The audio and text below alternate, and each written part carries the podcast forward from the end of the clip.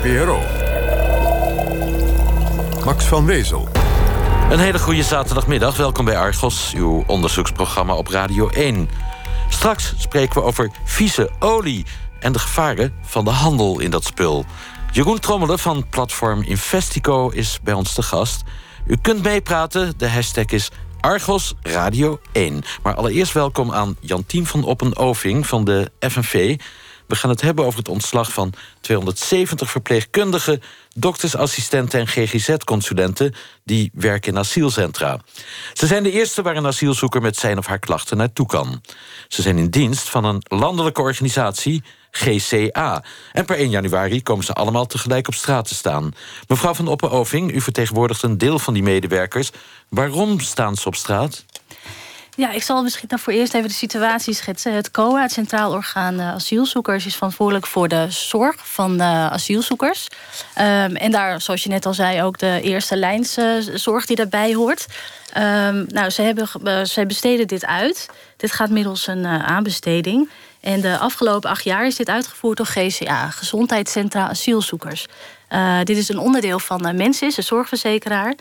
Um, dit voorjaar is de opdracht gegund aan een nieuwe partij, uh, Arts en Zorg.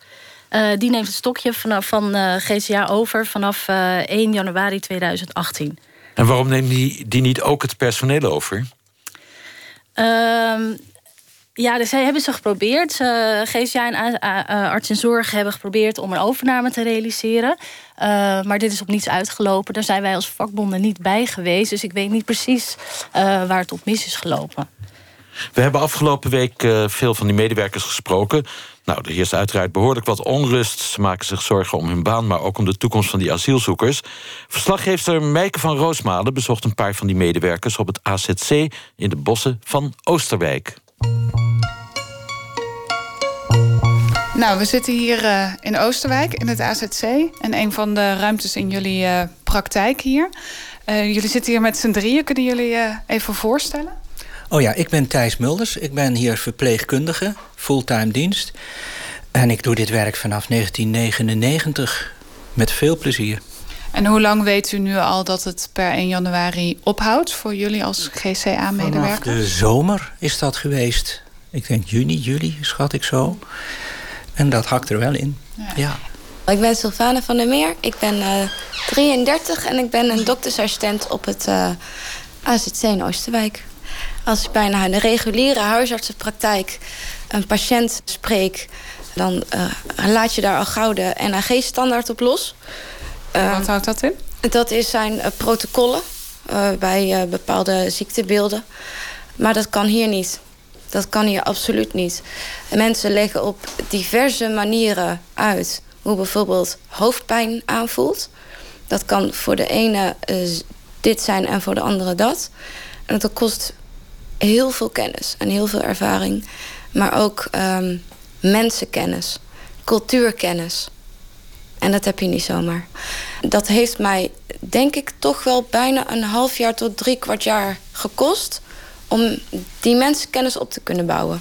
Ja, ik ben Liesbeth Berends en ik uh, werk uh, hier als verpleegkundige, als praktijkverpleegkundige. Ik werk al sinds 1994 werk ik binnen de asielzoekerszorg op uh, allerlei modaliteiten, allerlei opvangmodaliteiten. En ja, het laatste jaar eigenlijk hier in Oostwijk met heel veel plezier. Ik heb mijn werk ook altijd met heel veel plezier gedaan. Het is de uitdaging om te zien van hoe pak je dit aan. in het begin komen ze gewoon alleen maar voor een fysieke klacht. Maar dan blijkt op een gegeven moment dat er veel meer achter uh, zit. En dat maakt het gewoon zo verschrikkelijk spannend. Asielzoekers zijn bijzonder omdat ze meer belangen hebben als alleen beter worden. Ze willen ook in Nederland blijven. En die dingen spelen soms door elkaar. Iemand die komt met, ik heb nachtmerries, kan niet slapen. Daar zijn je niet, ben je niet bij. Dus dat, dat geloven we dan. Daar moet je dan naar luisteren. Daar moet je dan uh, een behandeling op inzetten. Maar je hoort ook aan een beetje op de achtergrond van... Hé, hey, wat vreemd. Nou, nou die te horen heeft gekregen van de IND... dat hij terug moet naar zijn eigen land hebben hem heel lang niet gezien en nu heeft hij opeens nachtmerries. Dat kan natuurlijk, omdat het angstig is als je terug moet naar je eigen land. Maar het kan ook toch een laatste handvat zijn van... ik probeer toch in Nederland te blijven. En dat maakt ons werk uh, ja, moeilijk. Maar leuk ook. Ja. ja. Want ik kan me ook voorstellen dat het redelijk zwaar werk is. Omdat je met, nou ja, mensen zitten in een hele moeilijke situatie hier vaak. Die problemen komen ook op jullie bordje dan vervolgens terecht. Is dat zo? Is het, voelen jullie het als zwaar werk? Ja, in sommige gevallen is het zwaar werk, ja. ja dat je inderdaad zwaar getraumatiseerde mensen uh, voor je hebt uh, zitten. En mensen die ook niet in staat zijn om iets los te laten. Of die zeggen, ik wil er niet over praten, ik wil het vergeten. Terwijl je weet, dit gaat echt helemaal fout. Maar waar je gewoon niet doorkomt. En vaak wordt dat dan ook wel een verwijzing. Maar sommige mensen willen het gewoon echt niet. En dan zie je het inderdaad helemaal fout uh, lopen. En dan voel je je heel erg onmachtig. Dat vind ik soms heel moeilijk aan mijn vak. Dat je ook de onmacht soms voelt. Ja, ja. Wat gaan jullie het meest missen vanaf 1 januari? Um, ja, ik denk zeker mijn collega's. Want we hebben een heel leuk team.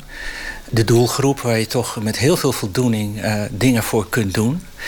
De COA, zelfs het gebouw. Want er zit, ja, dat, dat is zo eigen allemaal dat raak je allemaal kwijt. Dus ja, ik heb ook nog helemaal geen zicht op een andere baan. Ik heb op heel veel plekken gesolliciteerd, maar ik word nergens aangenomen. Misschien heeft dat met mijn leeftijd te maken, maar dat weet ik niet. 62. Ik moet zeggen, ik ben zo fanatiek met dit werk bezig... dat ik daarnaast eigenlijk niet zoveel andere dingen heb aan hobby's. Dus ik ga wel een beetje een gat vallen, denk ik. Dat zal nog niet meevallen, denk ik. Nu heb ik veel van jullie collega's ook op andere locaties uh, gesproken. En bij heel veel mensen heerst nu vooral de frustratie uh, dat ze het gevoel hebben van, nou ja, eigenlijk blijft alles hetzelfde. Alleen moeten wij weg en komen er nieuwe mensen voor in de plaats die niet onze kennis en ervaring waarschijnlijk hebben. Delen jullie die frustratie? Ja, dat is de Ja, zeker. Ja, ja zeker. Bij haar bezoek aan Oosterwijk ontmoette Meike ook nog de huisarts van dat AZC. Hij is niet in dienst van de landelijke organisatie GCA en blijft daarom als enige van het team wel aan na 1 januari.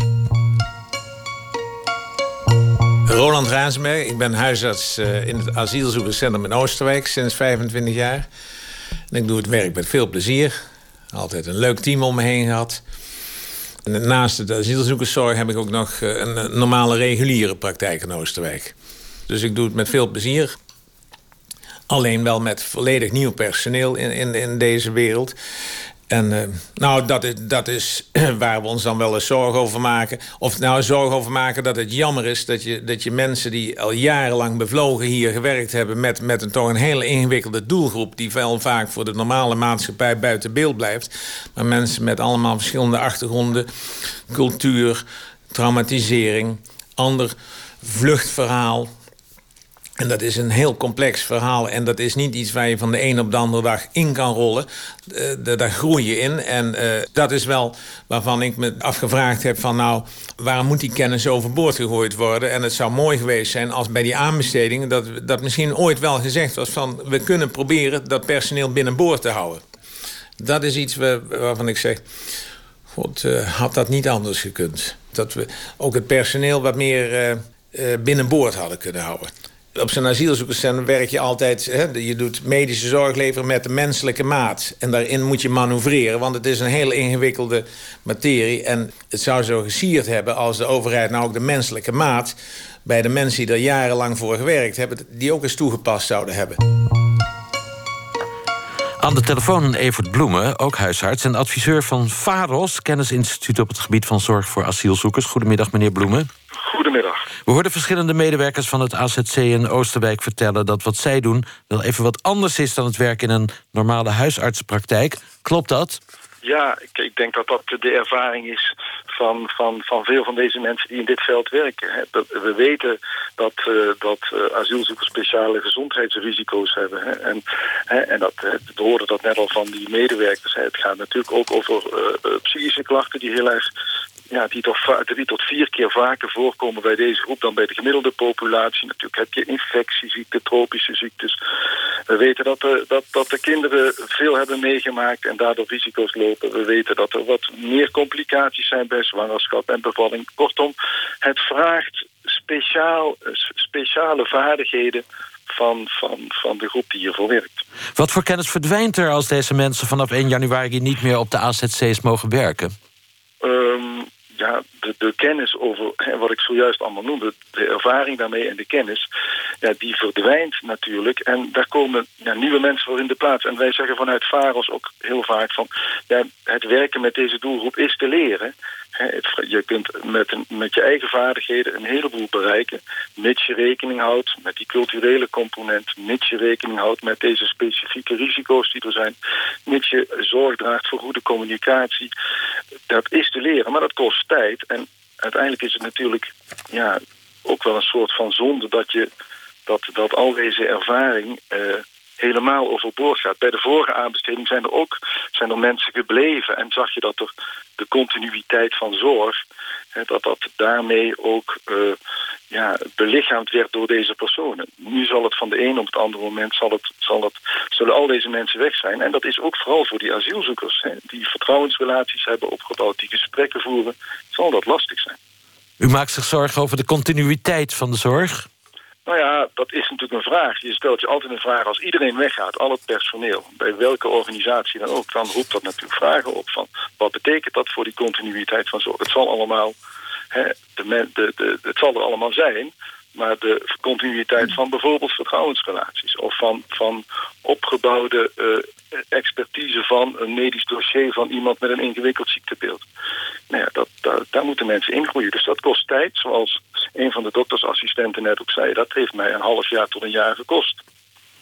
Ik dank u voor dit commentaar. Evert Bloemen, huisarts en adviseur bij VAROS. Ik ga terug naar de studio, naar Jantien van Oppen-Oving van de FNV. Wat ik nou niet begrijp, is uh, de vorige keer... bij de vorige aanbesteding konden mensen gewoon over naar de nieuwe organisatie die het op zich nam. waarom kan dat nu niet? Nou ja, gewoon, dat is ook niet zonder slag of stoot gegaan. Uh, dat was ook een hele procedure. En pas op het laatste moment zijn een aantal mensen overgegaan. Uh, dus dat was, dat was al een heel gedoe. Um, ja, waarom mensen nu niet overgaan? Uh, GCA en de nieuwe partij Arts en Zorg die zijn er dus niet uitgekomen. Daarmee um, gaat GCA de, zijn onderneming beëindigen. En um, daardoor wordt er ontslag aangevraagd voor alle mensen. Um, dan zou je denken dat alle mensen kunnen solliciteren bij arts en zorg met die ervaring. Wat we net horen, heel specialistisch werk. Ze worden zo aangenomen. Maar dat is ook weer een uh, juridisch verhaal, omdat um, arts en zorg um, eigenlijk het werk helemaal overneemt. maar omdat er geen afspraken zijn gemaakt, de overgang van onderneming niet wil riskeren. Wacht even, deze snap ik niet. Overgang van onderneming is namelijk dat uh, als jij het uh, ja, als, het, als, het, als de, overne de onderneming overgaat en eigenlijk de werkzaamheden hetzelfde zijn, dan is er een wet um, ingeroepen. En dat is eigenlijk om werknemers te beschermen. Um, zodat er bij zo'n overname dat die niet te dupe worden hiervan. Dat eigenlijk hun arbeidsvoorwaarden uh, in zijn totaliteit worden meegenomen en het, het heet, al het personeel.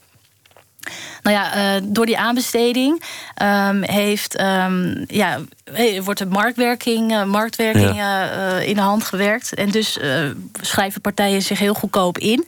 Arts en Zorg heeft het gewonnen, waarschijnlijk voor een lagere prijs. En zij, nemen, zij gaan het ook met minder mensen doen. Hetzelfde werk. Um, dus daarom, als zij de, het totale personeelsbestand van GCA mee zou nemen, zouden zij in grote financiële problemen komen. Dat is het verhaal. Um, dus ze zijn bang, zeg maar, als ze één verpleegkundige... bijvoorbeeld uit Oosterwijk aannemen... dat ze ze allemaal moeten aannemen ja. en dat dan niet kunnen betalen. Ja. Is toch absurd? Ja, ja, zeker. Ja. Kijk, het, dat is dan een financiële kwestie. Maar als je kijkt naar uh, de kwaliteit van de zorg en de toekomst... en de asielzoekers, die, die, de, de gevolgen voor, voor de, de praktijk zijn enorm. Arts en Zorg neemt het personeel dus niet over, maar een heleboel wel. De manier van werken blijft hetzelfde. Zelfs de naam lijkt verdacht veel. Van Gezondheidscentrum Asielzoekers GCA wordt het Gezondheidszorg Asielzoekers GZA. Ja, inderdaad. Eh, wat heeft zo'n aanbesteding nou voor zin als alles hetzelfde blijft, behalve dat het personeel eruit moet? Um, ja, waarschijnlijk toch kosten. Daar lijkt het wel op. Um, ze gaan het met minder mensen doen. Uh, als zij allemaal, zij nemen, hebben in september zijn ze al begonnen met uh, vacatures. Als ze nieuwe mensen aannemen, die kunnen ze onder in de salarisschaal. Want dezelfde CEO is van kracht voor uh, beide organisaties. Maar als je onder in de salarisschaal instapt, scheelt dat een hoop als dat je bovenin de salarisschaal zit. Bijvoorbeeld. We hebben commentaar aan de COA gevraagd, want het gaat om uh, asielzoekerscentra die onder de COA vallen. Ja. Uh, ja, die zeggen dan van uh, ja, we hebben het aanbesteed, een nieuwe partij heeft dat gewonnen. En wij gaan die nieuwe partij niet voorschrijven dat ze de werknemers van die oude partij over moeten nemen. Want dat zou inmenging in het personeelsbeleid zijn. Wat vindt u van die reactie van het COA? Ja, dat vind ik wel heel jammer. Um, ik denk dat het wel een verantwoordelijkheid is uh, om, om uh, als je ziet wat je net in de reportage ook hoort, wat de gevolgen zijn, dat het hele alle personeel uh, voor de asielzoekers, maar ook voor al die mensen die hun baan kwijtraken, wat voor impact dat heeft. En dan gewoon het afwentelen op de, de partij aan wie je het uitbesteed hebt. Ja, ik vind het jammer. De COA zegt ook, of het COA is het geloof ik, zegt ook we gaan ervan uit dat de zorg op een goede kwalitatieve manier geleverd blijft worden. Arts en zorg is al druk bezig met het werven van nieuw personeel. Ja, misschien maakt u zich druk om niks. Misschien valt het allemaal mee. Ja, nou, wat, ik, wat we net ook hoorden, um, ze zijn verplicht om een goede overdracht te doen. Um, nou, dat, dat klinkt heel goed natuurlijk, maar ik denk als je hoort hoe lang iemand bezig is om uh, echt het werk goed onder de knie te krijgen dan is een overdracht niet uh, afdoende. Is er nog een mogelijkheid om dit tijd te keren? Ik bedoel, 1 januari is snel. Ik denk in, deze casus dat het heel lastig uh, is. Omdat er natuurlijk al nieuw personeel ook is aangenomen. Ze hebben nog niet iedereen... Ze, volgens mij zijn niet alle vacatures hebben ze kunnen invullen. Maar ja, dus, dus die, dat, dat is al zo ver, dat proces. Maar ja, ik hoop dat we dit in de toekomst ook gewoon kunnen voorkomen. Want er komt om de vier jaar wordt er geëvalueerd of er een aanbesteding, nieuwe aanbesteding nodig is. Uh, nou ja, om de acht jaar weer. Ik wil niet hier elke vier, acht jaar weer uh, bij u uh, nou, in de studio welkom, zitten. Hoor, elke vier jaar. ja, dat weet ik. Maar ik vind het heel jammer om, ja, om hier tijd aan te besteden eigenlijk. Ik wil gewoon... dat is jammer. Het is een lelijk gevalletje van tussen de wal en het schip vallen, hè? Ja, en het is op, op verschillende niveaus. Vanuit het COA, dat, ze, dat zij het afwentelen. Um, en dat de partijen dat die ook hun verantwoordelijkheid niet nemen, vind ik, over het personeel. Uh, want zij, als zij het willen en de mensen uh, en de asielzoekers als prioriteit zetten, dan waren ze er gewoon uitgekomen met elkaar. De uitgebreide reactie van het COA is te vinden op onze website argos.vpro.nl. Bedankt Jan Team van de Opperoving van de FNV en vast tot over vier jaar. Ik hoop het niet, maar wie weet. Dank u wel. NPO